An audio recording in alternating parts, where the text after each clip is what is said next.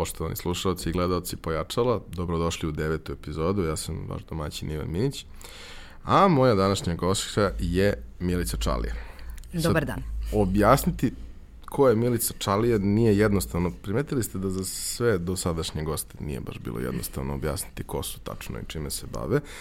Posebno što e, njihovi životi najčešće nemaju nekakav logičan linearni put e, ovaj, od tačke do, do tačke, ne, nisu predvidljivi. Ovaj. Pa tako Milica koja je profesorka italijanskog, mnogi iz neke moje generacije i malo stariji i malo mlađi je prepoznaju kao TV lice, a zapravo njena karijera je bila prilično raznovrsna od tog nekog, uh, od, od jezika, od italijanskog, preko TV karijere, odnosno na neki način isprepleteno, do nekog marketinga, PR-a, korporacija, do toga da uh, mama Milica kreće da se bavi svojim preduzetničkim poduhvatom, sa, sa suprugom pravi jednu malu, uh, ali jako uh, dragu i divnu uh, porodičnu poslovnu priču. Um, kad smo se upoznali pre, pre nekoliko godina, to je bio neki sajam... Uh... Da, neki, u Delti je bio neki sajam, možda mama preduzetnica, neki sajam malih proizvođača svakako. Da, mi smo se pre toga čuli par puta da bi bilo lepo da uradimo uh, intervju za, za portal Moja firma, ali nikako da se uklopimo i, i scena je da se ja šetam po Delta City, jer smo verovatno išli da gledamo neki film u bioskopu, a uh, Milica trči, a e, e, mala deca vise po njoj kao, kao koale onako i viče za mnom i tu krećemo u neku priču i onda se ovaj, upoznajemo, radimo taj intervju i ja zapravo saznajem celu priču koja stoji iza Anđela mnogo detaljnije.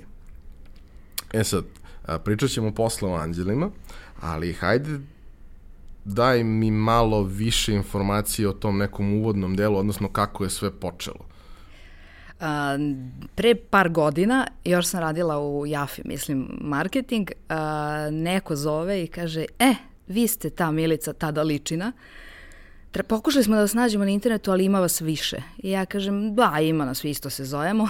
Bilo me glupo, kažem, ne, sve sam to ja. Zato što sam ja garažu na RTS-u počela da vodim još u srednjoj školi. Zapravo garaža je došla kao posledica uh, moje dvostruke nagrade legata Borislav Pekić, pošto nije nikad niko predobio duplu nagradu Borislava Pekića. Um, mene su tako zvali u neke fine kulturne emisije RTS-a, pa me primetila Sanja Stanišić, urednica emisije i u stvari je ona zaslužna i odgovorna za tu moju kao TV karijeru. I ja sam TV karijeru dugo, pisala sam i neka scenarija za RTS, radila za PGP razne emisije, radila čak mi jedna emisija u Trezoru RTS-a, to je jedna sa Zvonkom Bogdanom.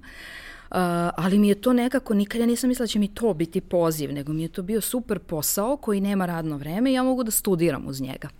Uh, drugi posao koji sam mislila da mogu studije da radim je bio prevođenje, gde sam se onako odvažno javila da ja prevodim za neku fabriku, nemajući pojma u stvari da ja taj, znam taj super književni italijanski, a da taj fabrički u stvari ne znam, ali srećno to se bilo sporo, bila je, bila je reči o montaži neke mašine, ja sam se tako nekako usput uz te radnike naučila, do te mere da sam par meseci kasnije otvorila, to je bila u stvari moja prva preduzetnička priča, um, agenciju za prevođenje i čak angažovala je nekoliko koleginica i mi smo baš onako bile prava adresa za te tehničke mašinske prevode.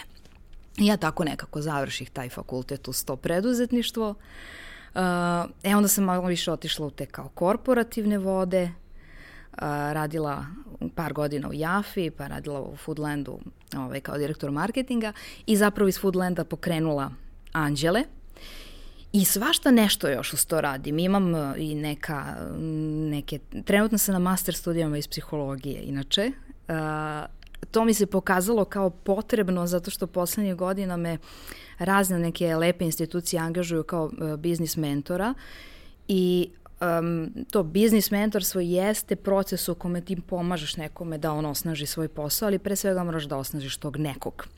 Tako da, pošto inače ne volim coaching, onaj neki iz kurseva i ne volim da se igram, mislim da neozbiljno da se ti sad igraš nečijom psihom, onda sam ja htjela da se onako baš naučim, izučim i da onda u stvari budem potpuno osposobljena da pomognem nekome da kad raste on, logično raste i njegov biznis.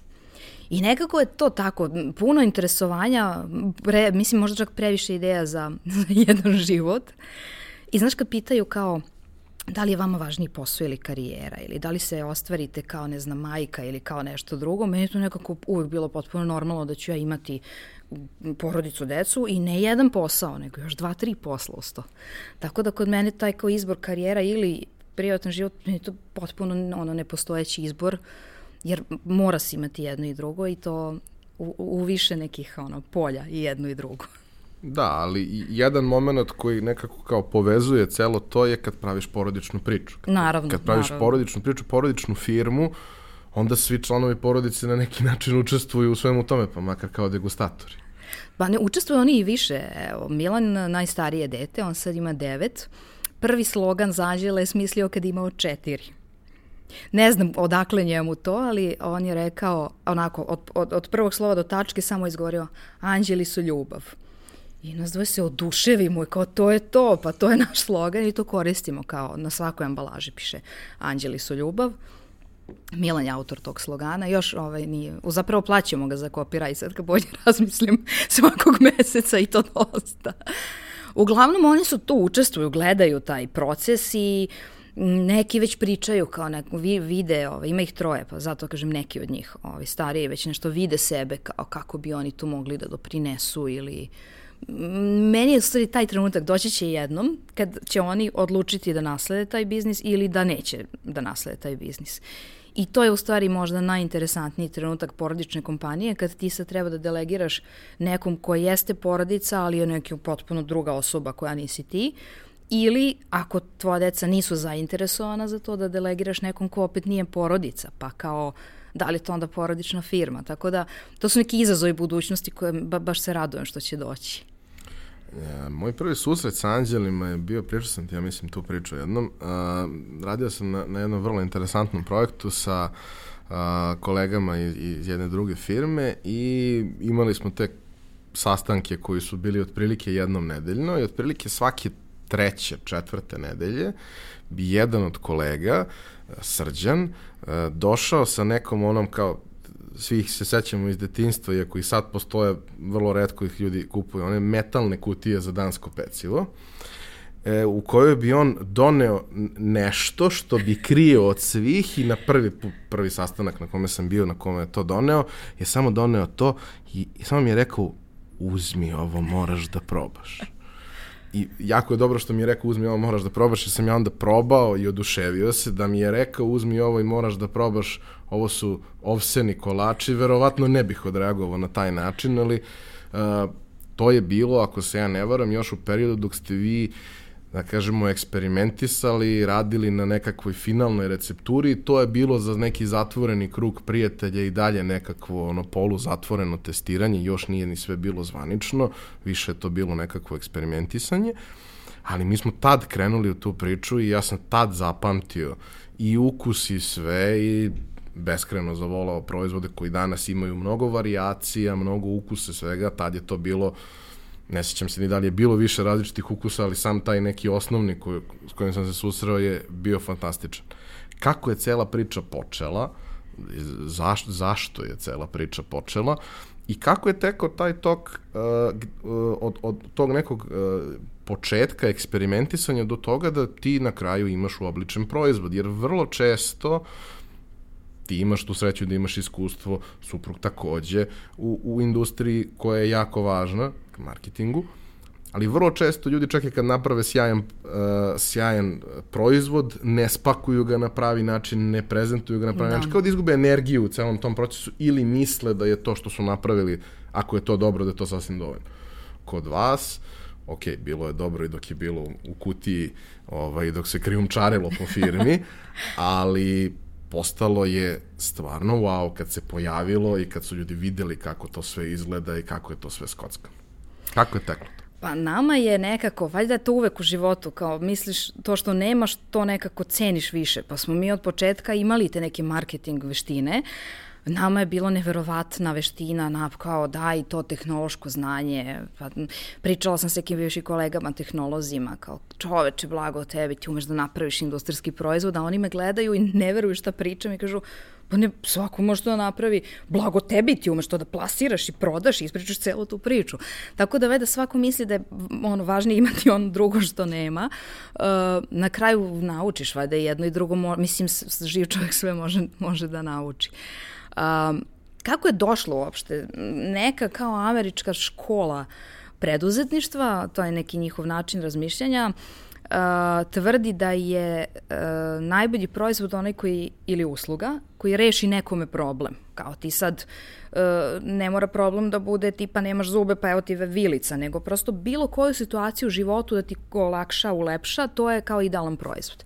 Uh, naš proizvod je u stvari nastao kao odgovor na našu potrebu, jer nije postojao adekvatan u tom trenutku. Mi smo kao relativno normalno se hranili kao i većina ljudi kad smo se upoznali, zavoleli, venčali.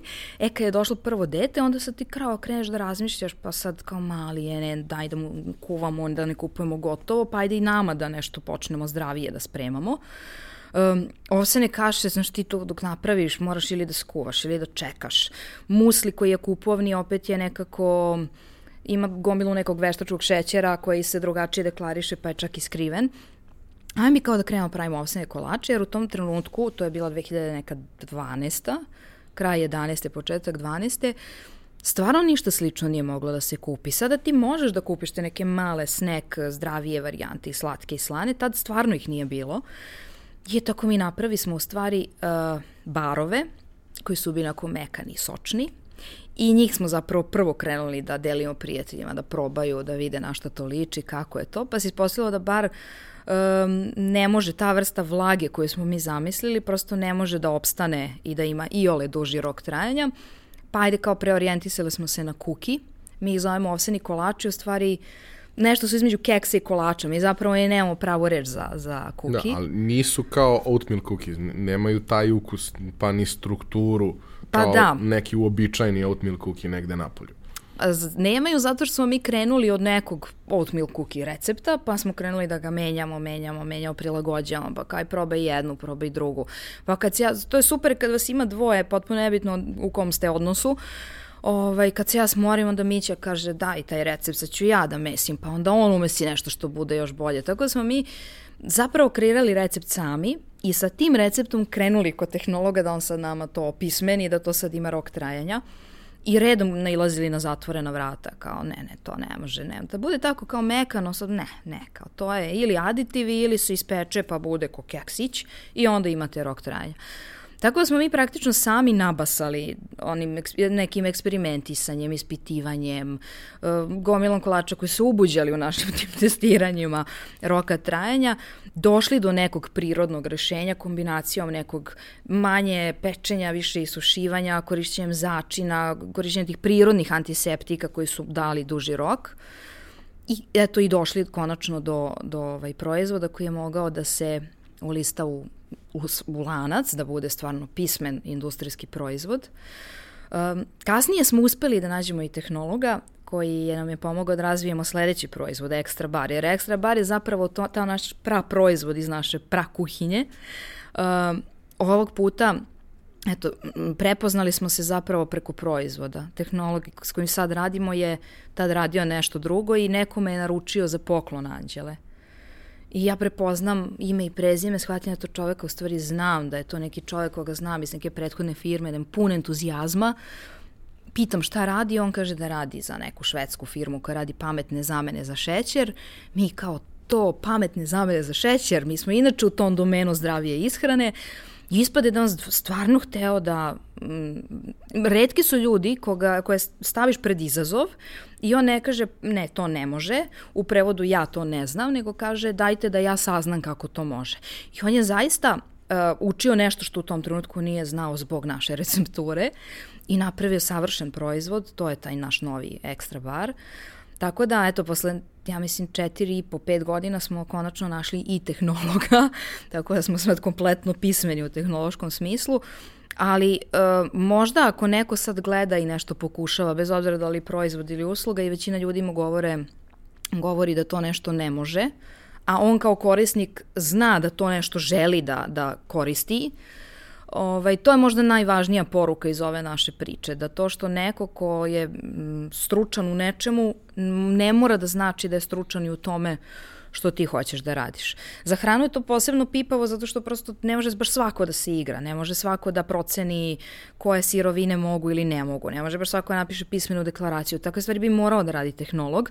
U tom smislu nama stvarno bilo teško da radimo u početku sami, ali uh, S druge strane, to nam je donelo tu neku sigurnost za to što smo mi sami uradili može da se napravi, da onda dalje svaki zaposleni to može da uradi.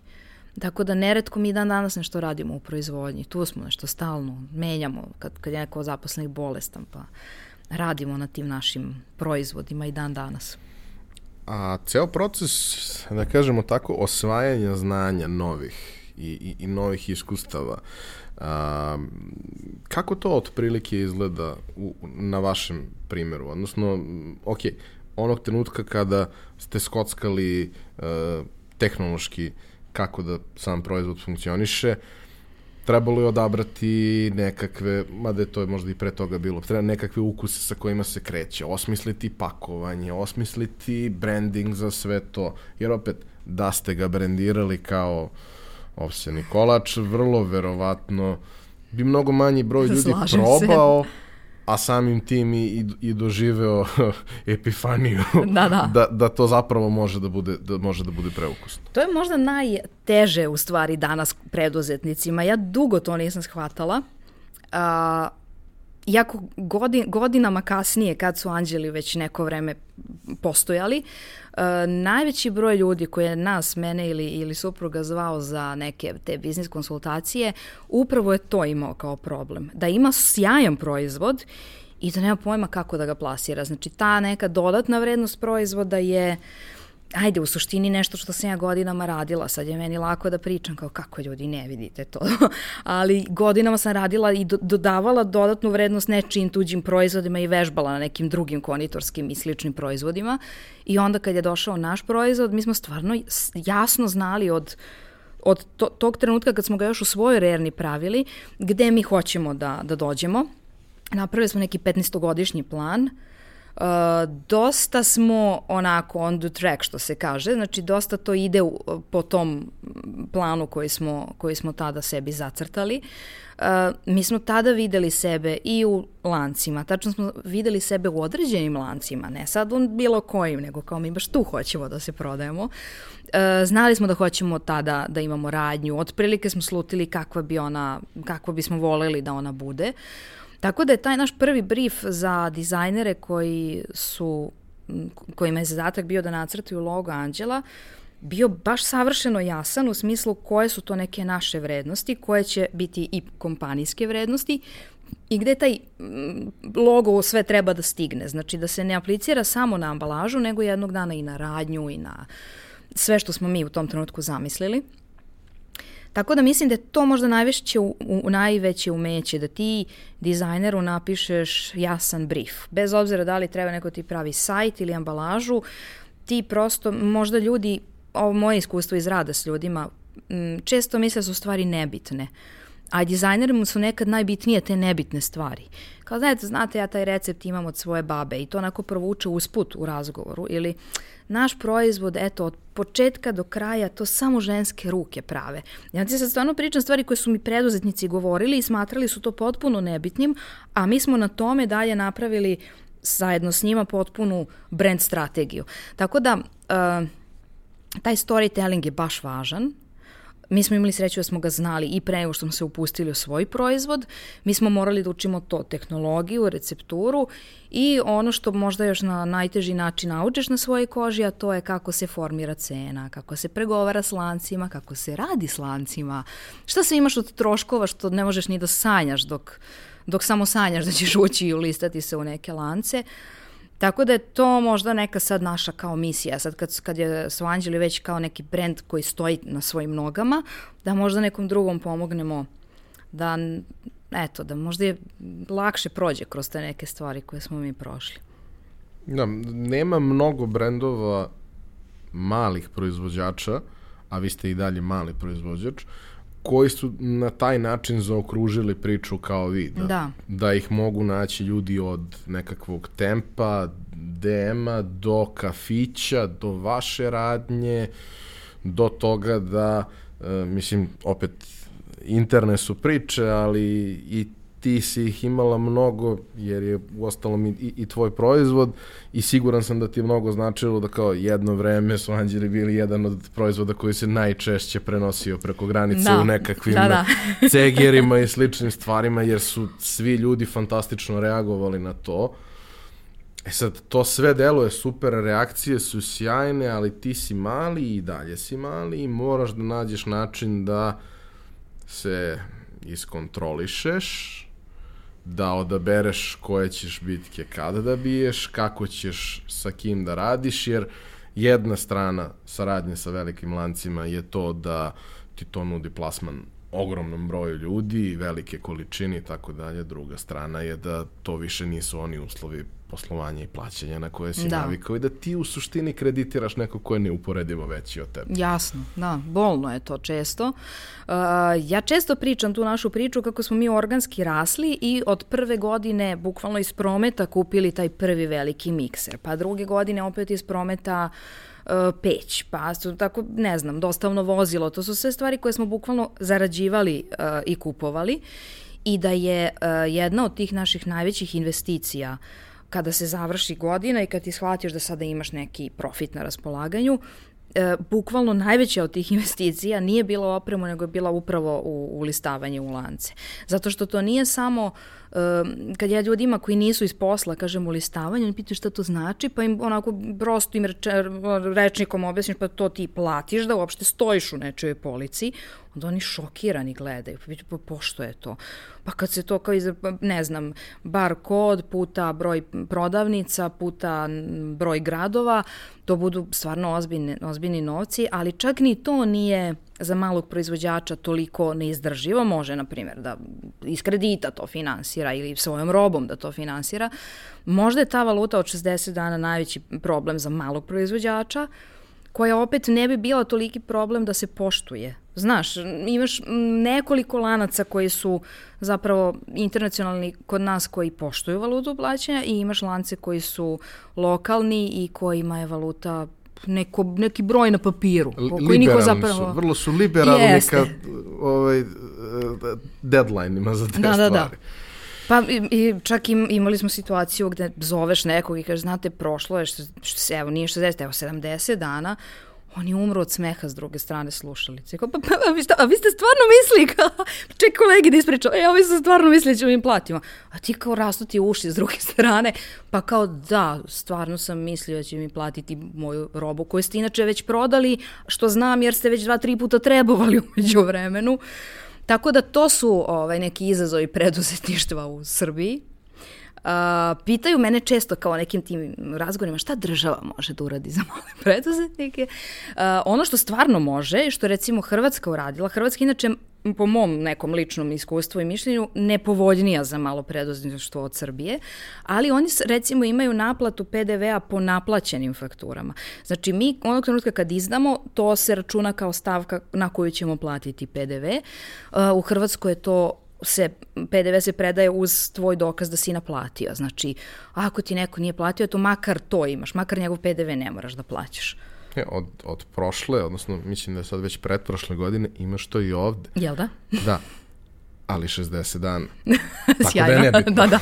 Tako da je nebitno. Ako ne naplatiš do 60. dana, moraš sve uredno da platiš, pa je to ostalo tvoj problem, ali kao možeš da prolongiraš toliko. Što znači, imamo rešenje koje ne služi ničemu, ali ok, imamo rešenje. Uh, Dobro, moja, negde... izvini što te prekidam. Uh, čujem često da uh, stvari koje se još ne dešavaju u Srbiji, pa ih naša vlada implementira, pa nekoga edukuje za to, onda taj neko ode dalje u privatni sektor, ode u banku, na primjer. Uh, možda je sledeći korak obrnuto. Da neko iz privrednog sektora odlazi u, u, u vladu. Možda je to rešenje, da ti, ako si nešto već radio i stvarno znaš šta su problemi mladih preduzetnika, onda prosto znaš i kako da, da se da donosiš neke akte tako da, da stvarno m, pomažeš to, to ne nekom lično da on super radi, nego da cijela privreda prosto kvalitetnije radi, da bude održiva prosto. To je kao otprilike ona anegdota kada su Gandije pitali šta misli o zapadnoj, situaciji, e, zapadnoj civilizaciji, on je rekao, mislim da je to divna ideja. E, da. otprilike, otprilike mi to negde deluje tako. A, sada kada da kažemo, podvučeš crtu na neki način. Gde mi sve, mi fanovi, možemo sve da sretnemo Anđela? Pa Anđeli su ti sad kao jedna ideja. Ovaj, da, osim, osim u tom fizičkom smislu, u svakom DM-u DM je možda prva destinacija kad bilo koga od fanova pitaš, oni ti neće reći možeš da ih naručiš, možeš da ih kupiš u, ne znam, najbližoj radnji, ne reći u DM-u, to je kao top of mind. To je možda zato što je cina grupa DM-a zapravo je cina grupa Anđela. Uh, I DM je zaista najzgodniji kad pričamo o, o Srbiji generalno, jer zaista smo u svakom DM-u, od, od severa do juga i od istoka do zapada. Um, online je takođe dostupan, online samo ima neku, neku, neki limit za besplatnu dostavu, ali bukvalno imaš i komad da naručiš online pa platiš dostavu ako želiš. Um, tempo objekti, ovi Maxi koji, koji rade 24 sata, najveći, možda ni ne mogu svih da se setim, Univer Export, bilo nas je u Mercatoru, razlog što smo prestali da radimo sa tim lancem je baš ta neizdrživa valuta plaćanja i uopšte jedan set uh, poslovnih navika koji prosto nije bio nama, nama izdrživ.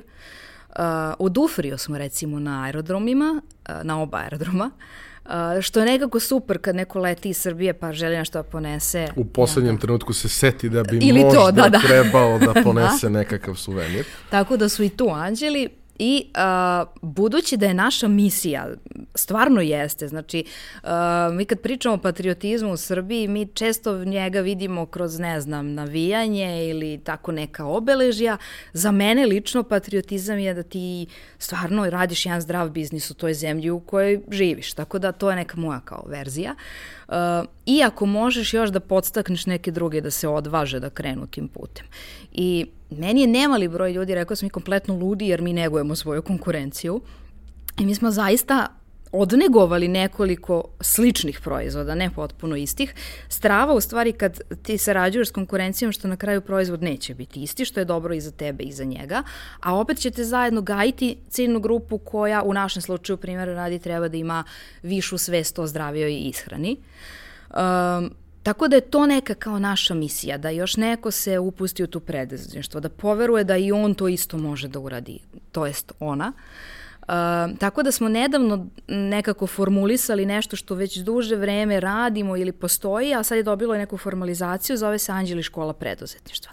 I to tek sledi, evo ti sad imaš ljutu ekskluzivu ove najave, dakle tek sledi uh, neki naš modul upoznavanja, zamislili smo to kao jedan potpuno besplatni dan koji ćemo pozvati sve zainteresovane, da uh, pričamo malo o nekim osnovnim stvarima koje muče svakog preduzetnika, da nešto se tu i nauči, da vidimo neke dobre primere um, i onda u nastavku da stvarno um, to bude neka vrsta inkubatora za ljude koji, eto, ili ne mogu jasno da formulišu ideju, ili imaju dobar proizvod, a nisu stigli do toga što ti uh, kažeš, do, do plasmana, dobrog brandinga, storytellinga, nisu stigli do svoje cine grupe.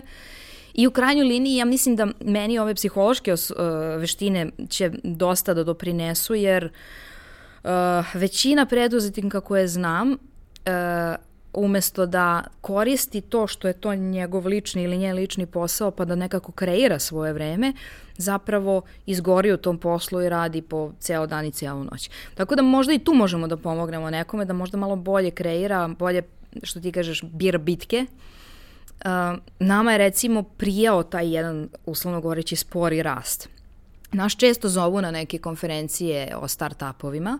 Mi u stvari uopšte nismo klasičan start-up. Start-up ima sad ako gledate neku ono, kako se to zove, kriva uspeha, start-up je ovo. Zato što u njega mora da uđe nečiji kapital koji on onda mora dosta brzo da vrati, a mi imamo tu jednu sporu uzlaznu putanju, tako da mi praktično nismo ovaj klasičan start-up. Uh, mi, nama je prijao ovaj spori tempo, nekako bila je naša odluka da izađemo iz korporativnih života, da počnemo da budemo više porodični ljudi. došlo nam je sa po dve godine razlike troje dece, prosto tako smo i planirali i nekako nam je bilo super da posao raste polako. Imam jednu drugaricu koja, ovaj, što ti kažeš, švercuje stalno Anđela u Hrvatsku i koja je ovaj, dugo pitala kao dokle ću ja više ovo, hajde da se proširite, ne shvatajući u stvari da nekako moj lični tempo je bio baš ovaj kojim smo rasli. Jer um, ti u stvari kad si mali preduzetnik, tvoj biznis raste koliko ti rasteš i onda ako to, ta dva nisu u korelaciji možeš baš da izgoriš. E sad nekako, deca su već samostalnija, mi smo spremni za neki sledeći korak i u smislu proširenja e, tržišta na kojima su anđeli, jer smo za sada samo u regionu, e, i u smislu te neke dodatne edukativne dimenzije koju anđeli već sad imaju. E, sam ulazak u nešto što je proizvodnja hrane vuče sa sobom gomilu izazova i e, pričao sam sa dosta ljudi koji su pokretali nešto svoje i svi su se oni tu sretali sa nekim stvarima koje možda nisu baš bile najpreciznije definisane, pa su predstavljale u nekom trenutku i problem, pa su se rešavale, jer naravno neće zbog nekakvog malog detalja neko odustati od, od ideje koja mu je stvarno važna. Ali kako je to uh, iz tvog ugla sada kad ok, krenuli ste od nečega što je bilo vrlo mala proizvodnja, sad to više uopšte nije baš mala proizvodnja i dalje nismo došli do, do one tačke koja se kaže e, mala fabrika, ovaj, iako to sigurno jeste deo U, da, 15-godišnjeg plana. Jeste. Ali to sada već jeste ozbiljna proizvodnja, ozbiljnih količina, ozbiljna standardizacija svega toga, sve što uz to ide, anđeli se i dalje e, prave e, što bliže kući. Da. A, mi imamo, baš sam jutro se razmišljala o tome kako u stvari imamo potpuno dve linije proizvodnje. Jedna je ova klasična poslastičarska zapravo. Znači to su kolači koje, koje mogu samo u radnji, anđeli radnji da se ovaj, kupe. Iako često korisnici traže ih, ovaj, vide ih na Facebooku primjera radi i pitaju kad će ovo biti u DM-u. A kolač je neki čokoladni s filom. Kao pa nikad neće biti jer prosto nema načina da se tom nečemu na priroda znači produži rok i uopšte se zapakuje. Um, imamo dakle tu kao zanatsku liniju koja je potpuno drugačija od ove ovseni kolači i ovseni barovi linije. Tu smo uspeli zaista da, da ispoštujemo sve industrijske standarde, od sirovine do pakovanja, a, a opet imamo i ovu neku, mojeni čak možda i dražu ličnu liniju, jer tu kad ja idem na edukacije, obično idem na te poslastičarske edukacije, a, I baš sam jutro spričala, jedan od tih mojih mentora italijanskih je tvrdio da su, tebi je recept u stvari destinacija kod poslastičarstva, gde ljudi govore ja ne volim kao, ja volim da kuvam jer tu, je, tu sam kreativan, a u poslastičarstvu kao nisam, kao to je čista hemija, uopšte nije tako, jer ti ne znaš da li ćeš dobiti uh, masni ili ne masni puter. Mislim, možeš da znaš ako insistiraš uvek kod istog dobavljača, ali To se u praksi ne dešava baš uvek tako. E, nekad dobavljač nema tu čokoladu koju si hteo, nego neku drugu. Nama je opet važno da ne menjamo dobavljača jer ova ima fair trade certifikat za kakao. Nekad su jaja vodenija, nekad je kokama zima, pa prosto nose drugačija jaja, pa ti kad dobiješ sirovine, ti s njima u stvari tek kreiraš da bi došao do svoje destinacije što ti je recept, dok je u industrijskoj proizvodnji potpuno sve drugačije, tu prosto nemaš nikakvog prostora za kreiranje, da bi na kraju dobio uvek isti proizvod, uvek isto kvaliteta na koji je, na koji je potrošač navikao.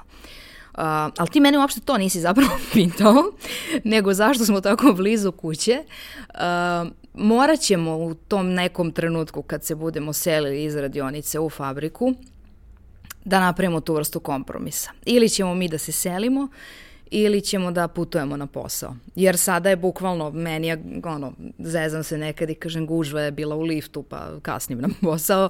Ja zaista se spustim u prizemlje i tu sam. Uh, ne znam, to mi je možda najbolji aspekt posla, što tako blizu nam je i, i, i kuća i posao. I kažem, kad bude jednom jedna ta fabrika, onda, eto, ja već sad oplakujem te sate koje ću provesti u putu tamo i Osim nazad. Osim ako se ne preselite u fabriku. Osim ako se ne preselimo u fabriku, da. Uh, zašto te još to pitam? Zato što uh, zapravo i ovakav proizvod koji nije sad nešto preterano kompleksan, ali daleko od toga da je jednostavan, može da se proizvodi u kućnim uslovima ako se ti kućni uslovi prilagode propisima koji su tu potrebni.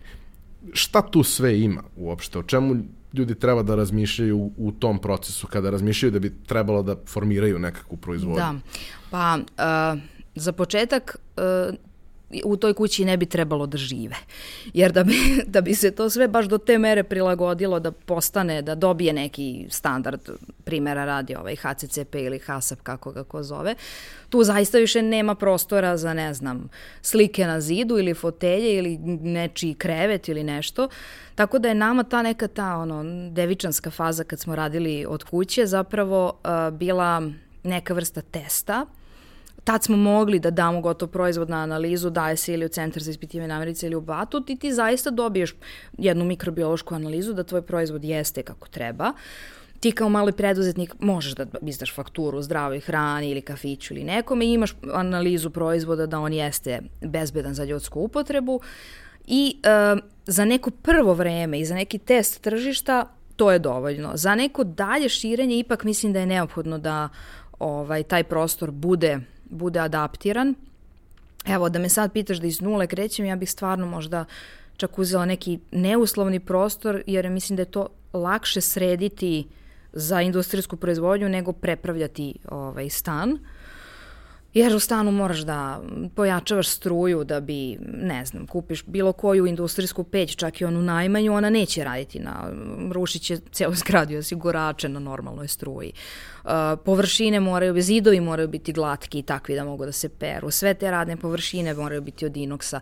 Tako da tu jesu izvesna ulaganja, Uh, mi smo recimo bili jako ponosni što nismo nikada uzimali kredite dok nismo poželeli da napravimo jedan baš veliki korak.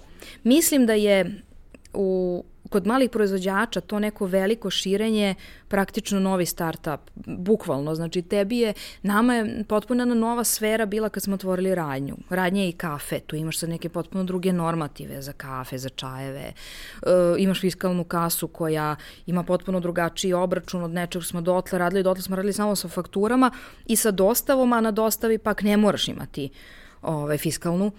Tako da, potpuno nam se otvorilo, kao da smo krenuli u novi posao i sledeći je taj trenutak kad se ti osjećaš kao da krećeš novi posao jeste velika investicija. Tako da kad smo prvi put došli u banku i rešili da sad mi kupujemo neku veliku mašinu, ovaj bankar je rekao, ali vi niste nikad uzimali kredit. I sam mi kao sav srećni, kao da, kao, ne jel nije... ni sada ne moramo. Da, da, zar nije to super? A on gleda i kaže, ne, to je strašno, jer vi nemate nikakvu kreditnu istoriju. Tako da smo onda gradili kreditnu istoriju, pa je došlo to vreme da se ovaj da se uzme ta neka nova mašina koja će biti neki opet novi korak ka tom izvozu, ka tom mnogo većoj količini koja će imati potencijal za izvoz. Uh, ali generalno m, možda je najvažnije u stvari pre nego što se upustiš u sve da to sve staviš na papir i da pričaš o tome. Kod nas ljudi ne pričaju mnogo jer misle ukrašće mi neku ideju, a zapravo ti kroz priču nebitno kome, komši, neko, kasirke u Maksiju, neko će to čuti, ovde kod nas svako zna nekog ko zna nekog, ko možda može to nešto jeftinije da ti nabavi. Primera radi, uh, ne znam, inog stolovi koštaju nešto, a mogu da koštaju i manje, a mogu da koštaju i više. Uh, mislim da je važno pričati, istraživati, staviti neki prosek cena na papir, pa onda napraviti plan, kao sad ću uložim u nešto, pa ću dogodine u još nešto. Uh, Mislim da je pogrešno da ti na početku uzmeš kredit, na početku uložiš neku ogromnu opremu, a da nisi izgradio tržište. Jer kad imaš veliku opremu ti moraš i puno da prodaješ, a tržište se stvarno, bukvalno danas osvaja kupac po kupac. I ti te kupce onda, što je još možda drugi kao veliki izazov, ti treba da ih zadržiš tako što ćeš da budeš konstantno kvalitetan, a ne da u jednom trenutku kažeš kao, pa mnogo mi kao košta ovo, pa neću sad puter, sad ću, ne znam, margarine, daj Bože, ili tako nešto grozno. To je možda, kad pomisliš da možeš da prevariš kupca, to mislim da je baš naj, najgora stvar koju čovek može da pomisli kad ima proizvod. Jer se, nama to nikad, nije, nikad nam nije palo na pamet, jer se nama dešavalo kao kupcima da nešto probamo, pa bude super, pa se pokvari, pa se onda razočaraš i ti se zaista više nikad ne vratiš tom proizvodu. Tako. Sa jedne strane moraš da održiš kvalitet, a sa druge strane moraš da održiš i dostupnost. Tako je. Tako Što je. je isto izazov kada već pokrivaš toliko mesta i prosto moraš ozbiljno da planiraš. Sve ovo o čemu ti sad pričaš je planiranje. Uh, nešto čemu naši ljudi nisu baš vični, ovaj, jeli, o, možda je to stvar uh, ambijenta, možda je to stvar nekakvog obrazovanja, nečega, ali činjenica je da naši ljudi vrlo redko planiraju, odnosno da naši ljudi najčešće planiraju unazad. Ma ljudi kod nas ni kuću kad grade, nego majstore, gde će budu vrata? Pa evo, gde gazda? Evo gazda kaže tu, evo tu će da budu vrata. Kod nas se ni tako ozbiljne stvari ne rade s planom, A i kad se urade planovi, evo ovo što ja vidim kroz vođenje nekih preduzetnika, recimo ako stave plate u plan, ne stave doprinose kao da to, ne znam ni ja, što samo će da se plati. Prosto, uh, da, planiranje. Planiranje je pitanje e, takođe pokušavaju, bojim se, da uštede na pogrešnim stvarima. Recimo, kod nas strašno zaziru od angažovanja knjigovođe, pa onda na kraju plate neke kazne jer nešto nisu umeli, nisu znali ili e, plaćaju više nešto umesto nečeg što su možda mogli drugačije da izvedu da su tog nekog knjigovođu ovaj, angažovali od početka. Uh, ja stvarno volim da štedim i privatno i u poslu, ali postoje neke stvari gde ne možeš prosto da štediš. Mislim da na kvalitetu sirovina ne smeš da štediš. U krajnjoj liniji anđeli nisu jeftin proizvod, oni nisu, ne znam, nija neka čokoladica od 15 dinara ako postoji, valjda, ne znam, Verovo. bananica, na primjer, je toliko. Uh, on, ti za njih moraš da izdvojiš neki novac, ali to je zato što su i ulazne sirovine i način na koji se one, one proizvode stvarno vrhunski. Tako da, verujem da, da, potpuno si u pravu za planiranje. To, to bi možda bila naša prva misija u obrazovanju preduzetnika, pa kako da se da, da. planira. Da. Makar, naravno, kako god planirao, koliko god planirao, koliko god iskustva imaš, napravit ćeš grešku sigurno. Jasno. Ali ta greška će biti 10%, a ne 300%. Kao, hajde da dođemo do toga da, da taj procenat, odnos tih stvari bude, bude malo više nama u korist. A, isto bitna stvar koju, koju bih voleo da, da nam pojasniš, a, a pomenula si i malo pre, a i na samom početku, vi pravite proizvod koji nije jeftin. Nije ni preterano skup, ali nije jeftin. A, postavljanje i formiranje cene proizvoda je a, e, za neko ko to nikad nije radio i ko upravo ne ume da proceni sve stvari koje su tu bitne, užasno. Da jer barataš sa neograničenom količinom nepoznatih Tako je. podataka. I sa pretpostavkama. I sa pretpostavkama koje su vrlo često pogrešne. Ako ti jer zaista naši... imaš e, ambiciju da jednog dana uđeš u lance, uh, tvoja cena mora da nosi tu pretpostavku. I sad lako je izračunati u svojoj kuhinji kao ovoliko mi košta puter, ovoliko je čokolada, brašno, šećer, šta si već stavio u, u proizvod. Uh, sedneš, izračunaš, dodaš neki PDV i šta dalje? E, ti možeš da sebi kažeš ja hoću da zaradim od svakog kolača, nemam pojma, koliko god hoćeš posto, 10, 15, 100, nebitno, i zaradit ćeš u tom trenutku. Problem nastaje kada ti hoćeš da nekom drugom prodaš, da taj bude prodajno mesto. Ako je to zdrava hrana i tu su opet donekle možeš da kontrolišeš i svoju zaradu i troškove, Kod lanaca zaista ne možeš. Postoje situacije koje ne možeš da predvidiš. Mnogi ljudi recimo ne računaju sa povratom pred istek roka. To ima i, i proizvode koji nisu hrana, to imaju akamuli hrana. To je zaista najregorozniji mogući, moguća kontrola roka trajanja. Ne računaju sa dodatnim nekim rabatima. Zaboravljaju da oni sami kad odu u radnju pa je uvek nešto na nekoj akciji. Prosto ima razloga što je tako. To sve moraš da predvidiš u nekoj, u nekoj budućoj ceni. E, neku logistiku. Neće roba sama otići negde. Ti ćeš imati neke troškove koje sada nemaš ako nekom budeš vozio u taj magazin.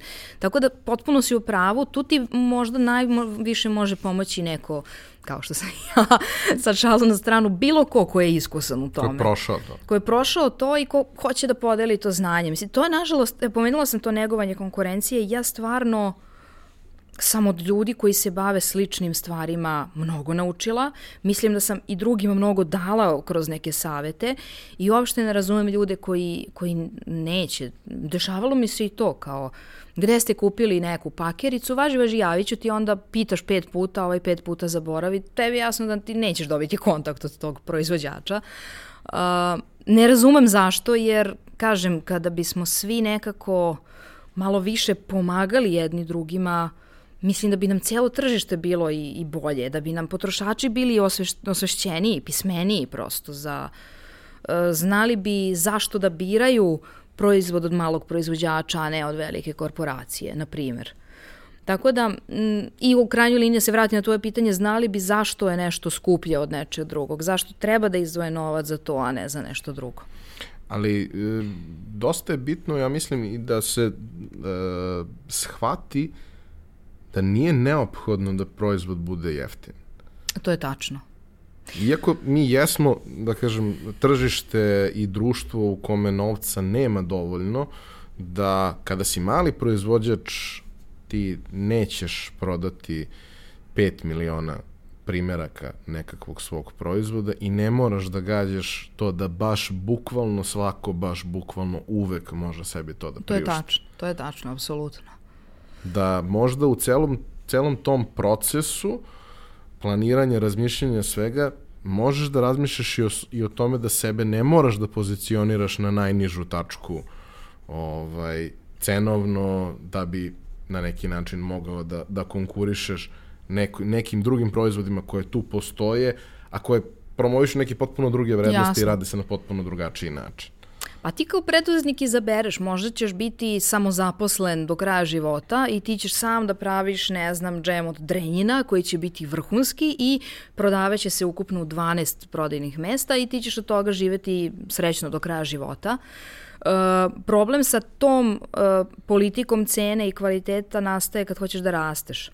Kada kao mi imaš već sad nekih osmoro zaposlenih i uh, planiraš neki dalji rast, e onda ovo naše malo tržište ipak ima neke, neke svoje granice. U tom, u tom slučaju onda prosto moraš da dalje razmišljaš o, o izvozu, što je zapravo super, ljudi se boje toga i, i često me postavljaju pitanje iz kojih ja vidim da oni doživljavaju izvoz kao ne znam, kao da ti sad treba otprilike novi pogon da sagradiš da bi uopšte pomislio da nešto izvoziš. Uh, izvoz otvara neke potpuno nove ljude koji su iz te ciljne grupe koja ceni kvalitet i u stanju je da plati za kvalitet. Tako da ne treba bežati od toga što više možda ga treba čak od početka nekako negde planirati, da se vratimo na tu čudesnu reč planiranje. Uh, Da, ne, u svakom slučaju pa, da, ne obeshrabrimo neko ko hoće da radi, ne znam, nešto što je malo i jeftino i dostupno svakome, onda on ima drugu profitnu logiku, onda je cena niska, ali onda onda zaista mora da prodaje hiljade i hiljade komada da bi, da bi žive od toga. A, kako ste vi uopšte došli do toga da krenete da izvozite? E, osim što je naravno postojalo interesovanje i na neki način potreba, ok, zanemarimo interesovanje i potrebu, kako ste zapravo stupili u kontakt sa uh, potencijalnim partnerima sa druge strane, gde su tu bili ključni momenti u, u, u tim vašim pregovorima i šta su neke zanimljive stvari koje ste izvukli iz svega toga kao iskustvo? A, naša sreća u nesreći, ove, mislim na u nesreću 90-ih kad nam se raspala ona stara zemlja, a, srećna okolnost koja je ostala iza toga je da neke zemlje su i dalje kako bih rekla, liberalne u tom, toj izvoznoj proceduri. U smislu, a, u Crnoj Gori je tržište maltene isto kao srpsko. Potpuno se skoro pa podrazumeva, ako si ti neka veća fabrika, prodaješ primjer radi smoki, logično da ćeš ga prodavati u Crnoj Gori, prosto ne može da se desi da ga nema tamo.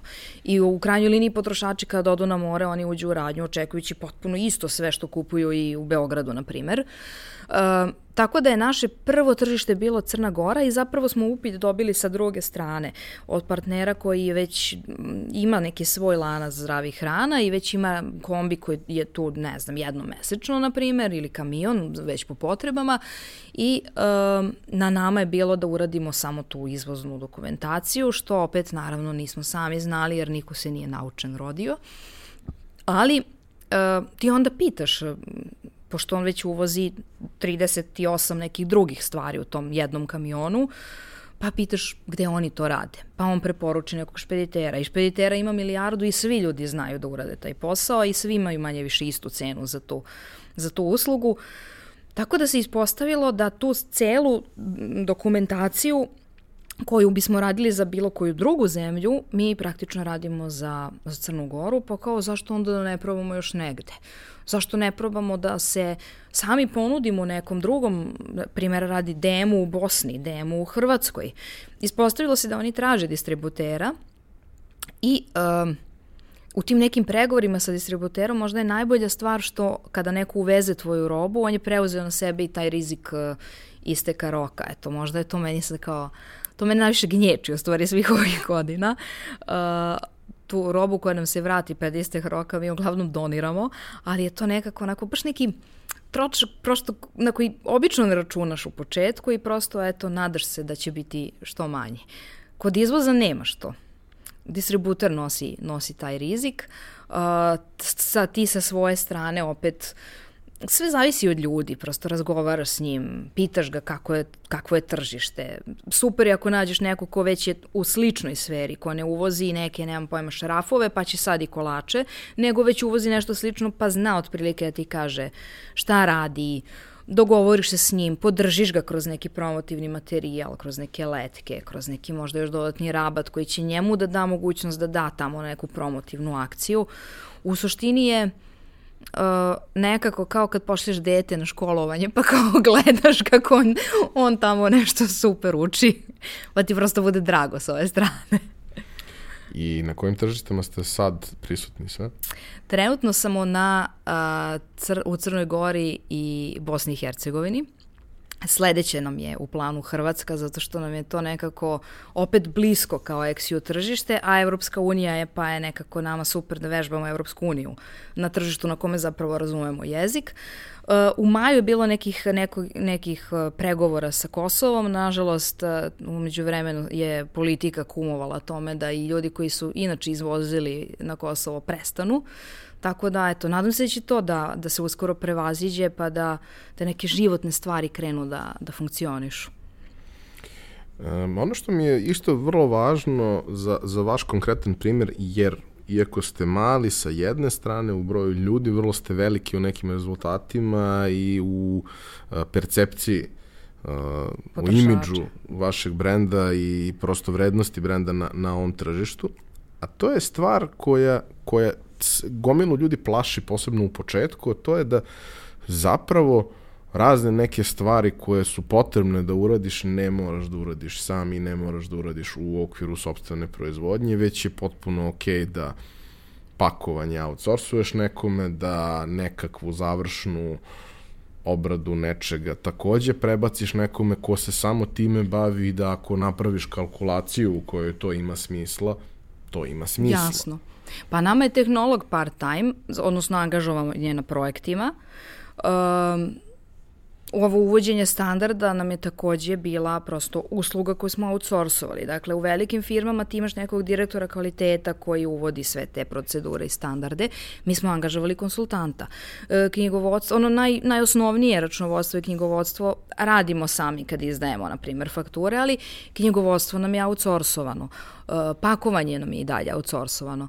E, kod nas je možda nevrovatan, uh, možda, mislim, kad, kad se poredi s drugim evropskim zemljama, možda najveći odabir polovne nove opreme. Ne znam kako to bolje da definišem. Neko se zaleti i kupi i to radi, ne znam, dva dana ili dva meseca i onda se dalje prodaje. Uh, nama je nekako ta amortizacija opreme bila između oslog razlog da outsourcujemo pakovanje, jer u tom trenutku prosto nismo imali dovoljno uh, dana u mesecu u kome se taj proizvod pakovao. E sad mi polako dolazimo do, do te tačke i zašto smo što pričali o kreditima, dolazimo do tačke da ti moraš svake nedelje, ako ne i svaki dan da nešto pakuješ i tu sad već ima smisla da ti uložiš u neku pakericu, to podrazumeva bar još jednog čoveka koji će zaposliti da se bavi održavanjem i, i rukovanjem. Uh, to sve je nekako meni makar previl, prevelike zaloge za početak. Ogromne mašine koje si ti ili, ne znam, dao ušteđevinu ili uzeo iz kredita, pa još neki zaposleni koji moraju da rade na tim, na tim mašinama i tu nekako ljudi vrlo brzo krenu da, da grcaju. Uh, da, čišćenje, čišćenje me outsourcovao, sad razmišljam, ne ono osnovno opet koje rade zaposleni, nego ta neka uh, taj neki elektromašinski servisi. Sve to sad razmišljam šta postoji u velikim sistemima uh, gde postoje ljudi možda veliki sistemi mogu da podnesu. Naš mali sistem ne bi mogao da podnese mašinskog inženjera, elektroinženjera, sve te ljude koji imaju posla jednom dana, jednom nedeljno, na primjer. A ostalih uh, šest, odnosno ostalih četiri, ajde, ako je pet radnih dana, ostala četiri dana prosto čekaju da se nešto desi ili tako su preventivno. Ovaj, sve te stvari koje mogu da se outsourcuju, moj savjet je da se, da se outsourcuju. I da se uračunaju. Da se uračunaju, naravno, pa mislim svakako biste računali amortizaciju nekakve mašine. Ali ovde imate manji rizik zato što ako nešto ne uspe, to je isto nama veliki tabu, evo, možemo i toga da se dotaknemo. Uh, kod nas je strašno ako ne uspeš. Ti si onda prosto, nisi uspeo, počeo, a njemu je propala firma. Za razliku od nekog, recimo, američkog tog preduzetničkog društva, gde je potpuno okej okay da ne uspeš jedan put, drugi, peti put, pa ćeš šesti put da isto ustaneš, otresiš prstinu i možda baš šesti put napraviš milione. Tako da, e, kod outsourcovanja je manje rizik ako ne uspeš, jer prosto nisi morao da kupiš sve to i zaposliš sve te ljude, neko drugi je taj rizik e, preuzeo umesto tebe. Outsourcing je u stvari super za, za početke. Ako te druga strana ubedi, pokaže ti da ona taj posao može Jasno, da uradi. Jasno, naravno. U vašem slučaju je bilo prilično izazovno. U našem slučaju je bilo jako izazovno, jer naš prvi, uh, prvi anđeli koji su upakovani su mini anđeli u stvari, koji su faktički kao neke loptice i pošto je to ručno rađeni proizvod, Uh, ne samo što je ručno rađen, nego je masa takva da on ima komadiće čokolade i komadiće suvog voća i, i u krajnjoj liniji integralne ovsene pahuljice. Nijedna nije jednaka. Brusnice su, svaka je nejednaka. Mi njih kao nešto seckamo, ali opet nije to preko ono, mikroskopa i lasera. Uh, Tako da mi faktički imamo tako jedan, jedan dosta proizvod koji se razlikuje od komada do komada i kad smo tražili neko ko hoće da upakuje, tu se u stvari pokazali koliko je važna osoba koja vodi neki biznis, jer smo upoznali čoveka koji je prosto hteo da proba, hteo da prilagodi, dok su svi pre njega govorili ne, nije ravno, ne dolazi obzir, neće moći da prođe na mašinu. On je preuzeo taj izazov, evo mi dan danas sarađujemo sa njim, on je zaista uh, proka pronalazač u mnogim, u, u svakom smislu svoje proizvodnje koju vodi.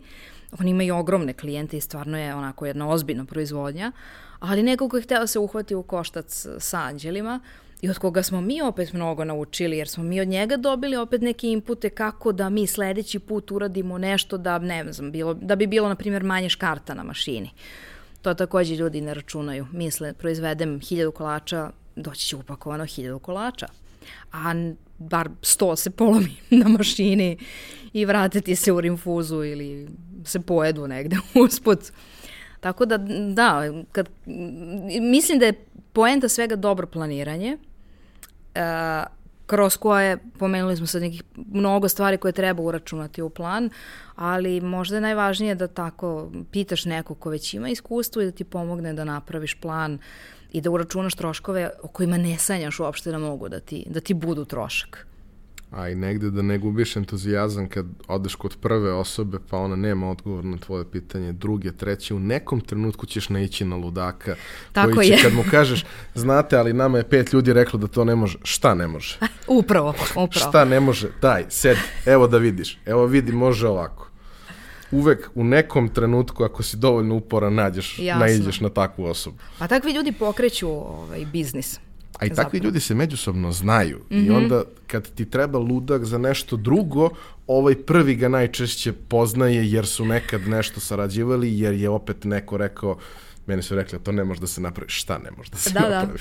Mi smo dugo, sećaš se kad si bio kod nas u proizvodnji i to je bilo sigurno godinu ili više pre nego što smo zapravo otvorili radnju, tad smo već tražili radnju i dugo je nismo nalazili jer smo mi verovali da radnja treba da košta da ta kirija treba košta koliko mi možemo da zaradimo, a ne koliko mi ne možemo da zaradimo.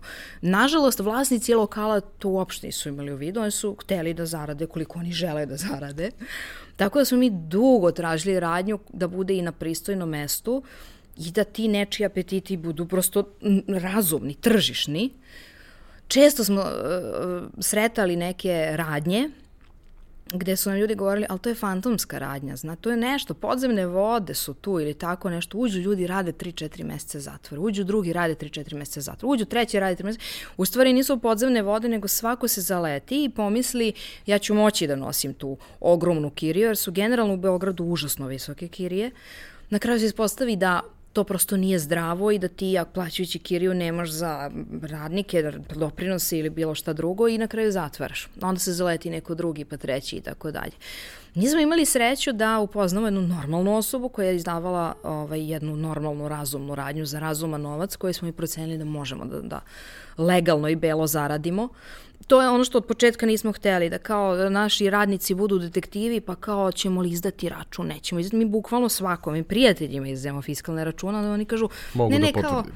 da, pa kao nama ne moraš, ne, ne, ne razumeš, mi izdajemo fiskalne, ja se iz kase izdaje račun, mi izdajemo svakom račun, znači niko ne odnese ništa iz radnje bez računa. Zatvaramo u 8, u 8 i 1 kad neko moli da kupi, mi ne damo, onda se ljute na nas, ali zaista se ne igramo tim stvarima. A to sve pominjem zato što kad smo na prvom sastanku sa ovaj vlasnicom razgovarali i rekli je da eto mi naivno verujemo da može neko normalan da se nađe ko će da nam izda lokal, a ona rekla mi naivni se prepoznajemo. tako da to naivni kod tebe su ludi, ali u svakom slučaju mi, mi tako drugačije se prepoznajemo. I na kraju, evo kad razmišljam o to našem krugu ljudi sa kojima sarađujemo, uh, zaista niko nije običan. Svi su izvrsni u tome što rade i svi su prosto drugačiji od svoje okoline. I puni nekog entuzijazma i nekako možda je baš važno za biznis upravo to, kime se ti okružiš. Ako se okružiš nekim ljudima koji sumnjaju sve i misle da ništa ne može, na kraju zaista nećeš ništa ni moći. 15-godišnji plan.